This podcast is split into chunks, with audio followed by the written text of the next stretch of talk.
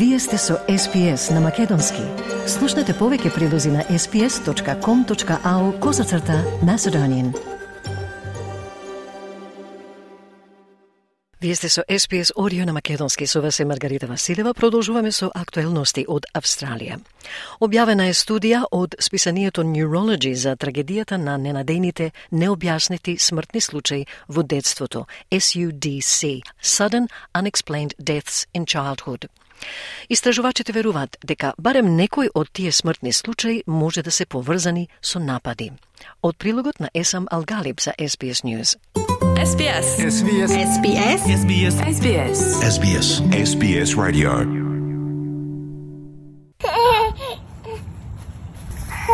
Kiss. Kiss. Mm, love you. Последното легнување во животот на 17-месечниот Хейден Фел било многу нормално. На видеото од креветчето се гледа како малото дете во пижами си игра срекно, додека неговите родители и сестра пеат песничка со неговиот брат близнак.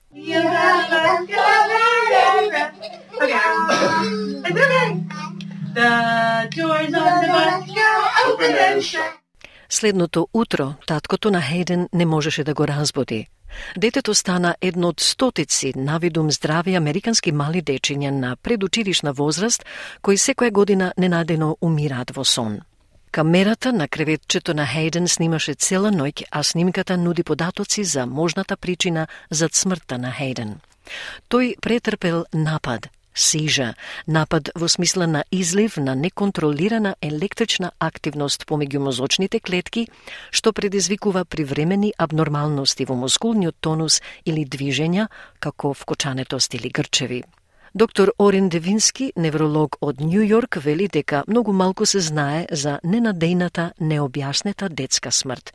SIDS е многу подобро позната состојба, вели тој, но за SUDC или ненадејна необјаснета смрт во детството, што е продолжение веднаш по првата годишна возраст, редко се дискутира и малку се знае, вели Девински. SIDS is extraordinarily well known. SUDC, or sudden unexplained death in childhood, which is the continuation just after age one, is rarely discussed and little known. Истражувачите од Langman Health на Универзитетот во Нью Йорк ги анализираа снимките од ноќта кога Хейден почина, заедно со слични снимки од смртта на уште шест новороденчиња и деца. Тие ги објавија своите науди во списанието Neurology. Доктор Девински, кој е виш автор на студијата, вели, наликува како да сте детектив кој се обидува да реши кривично дело и сега има видео од сторителот. It's a little bit like you're a detective trying to solve a crime. And now you've got a video of the perpetrator potentially. Неврологот вели откриле дека нападите за време на спиењето се потенцијална причина за барем некој случај. Според Девински, фебрилен напад е напад кој може да биде голем, грч или помал, но тие се ограничени на болест, обично со треска и кај деца, тенденцијата треба да биде надрасната и тие се бенигни. Нема долгорочни последици од овие напади. И тоа е случајот за повеќето случаи, но за жал не и за сите изјави Девински. A febrile seizure is a seizure event which can be a major convulsion or they can be more minor, but they are limited to in illness, typically with fever, and in children the tendency should be outgrown and they're benign. You know, there's no long-term consequences of having these seizures. Uh, and that's true for the vast majority of cases, but unfortunately it's not true for all of them. Снимките не можат да докажат дека треските ги активирале нападите, но истражувачите забележале дека неколку мали деца имале знаци на благи инфекции. Една од истражувачите на Нью Йорк University, Лора Гулд, ја изгубила својата 15-месечна керка Марија од SUDC во 1997 година. Детето една вечер се разбудило со треска, а следното утро било во вообичаено весело расположение, но починало за време на спиењето.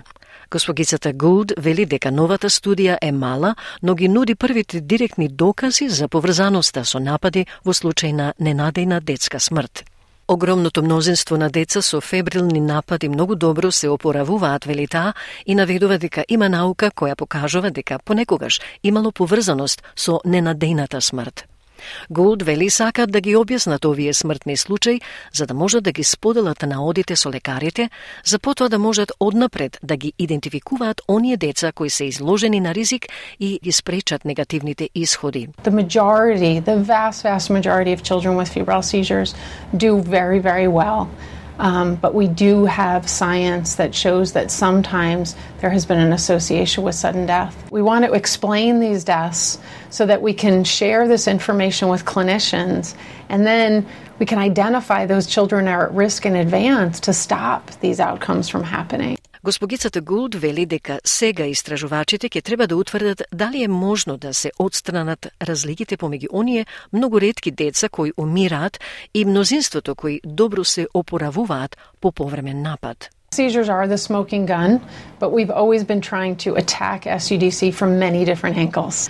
I think the increase in the use of these videos I'm sure there's more out there that we don't know about. We would like to receive more of them so our sample size of this and our findings can be further validated with a larger sample size. That would be very important. Случаите на ненадејна необјаснета детска смрт се имаат најдено на насловните страници во Австралија. Најпознатиот случај е случајот на Катлин Фолбег, која помина повеќе од 20 години во затвор за убиството на своите четири деца. Таа успешно апелираше против обвинувањата по научните откритија во генетиката и кардиологијата. Некогаш означена како најлошата жена серијски убиец во Австралија, 56 годишната жена доби безусловно помилување и беше пуштена од затвор минатата година. Таа и се заблагодари на ажурираната наука и генетиката, што и дадоа одговори за тоа како умреа незините деца. Сепак, изјави Фолбиг, дури и во 99-та година имало правни одговори за да ја докаже незината невиност, но дека тие беа игнорирани и отврлени. Катлин Фолбиг изјави дека системот предпочиташе да ја обвини наместо да прифати дека понекогаш децата можат да умрат ненадејно, неочекувано и срцепарателно. I am grateful that updated science and genetics has given me answers as to how my children died. However, even in 1999, we had legal answers to prove my innocence. They were ignored and dismissed. The system preferred to blame me rather than accept that sometimes children can and do die suddenly, unexpectedly, and heartbreakingly. Што се однесува до Хейден Фел, неговата мајка Кейти е среќна што учествувале во истражувањето. Семејството го донира мозокот на Хейден на истражувањето посветено на SUDC и го регистрираа него како и нив двајцата во студијата. By that Friday, we had donated his brain to SUDC and we had enrolled him and ourselves in the study. And we had also gotten them the crib video from the night that he passed. If he could help one family, that's what we wanted. Like, his life, it was too precious and too important for us to not try and do something with this tragedy. SBS. SBS. SBS. SBS. SBS. SBS Radio. Сакате ли да чуете повеќе прилози како овој? Слушате подкаст преку Apple Podcasts, Google Podcasts, Spotify или од каде и да ги добивате вашите подкасти.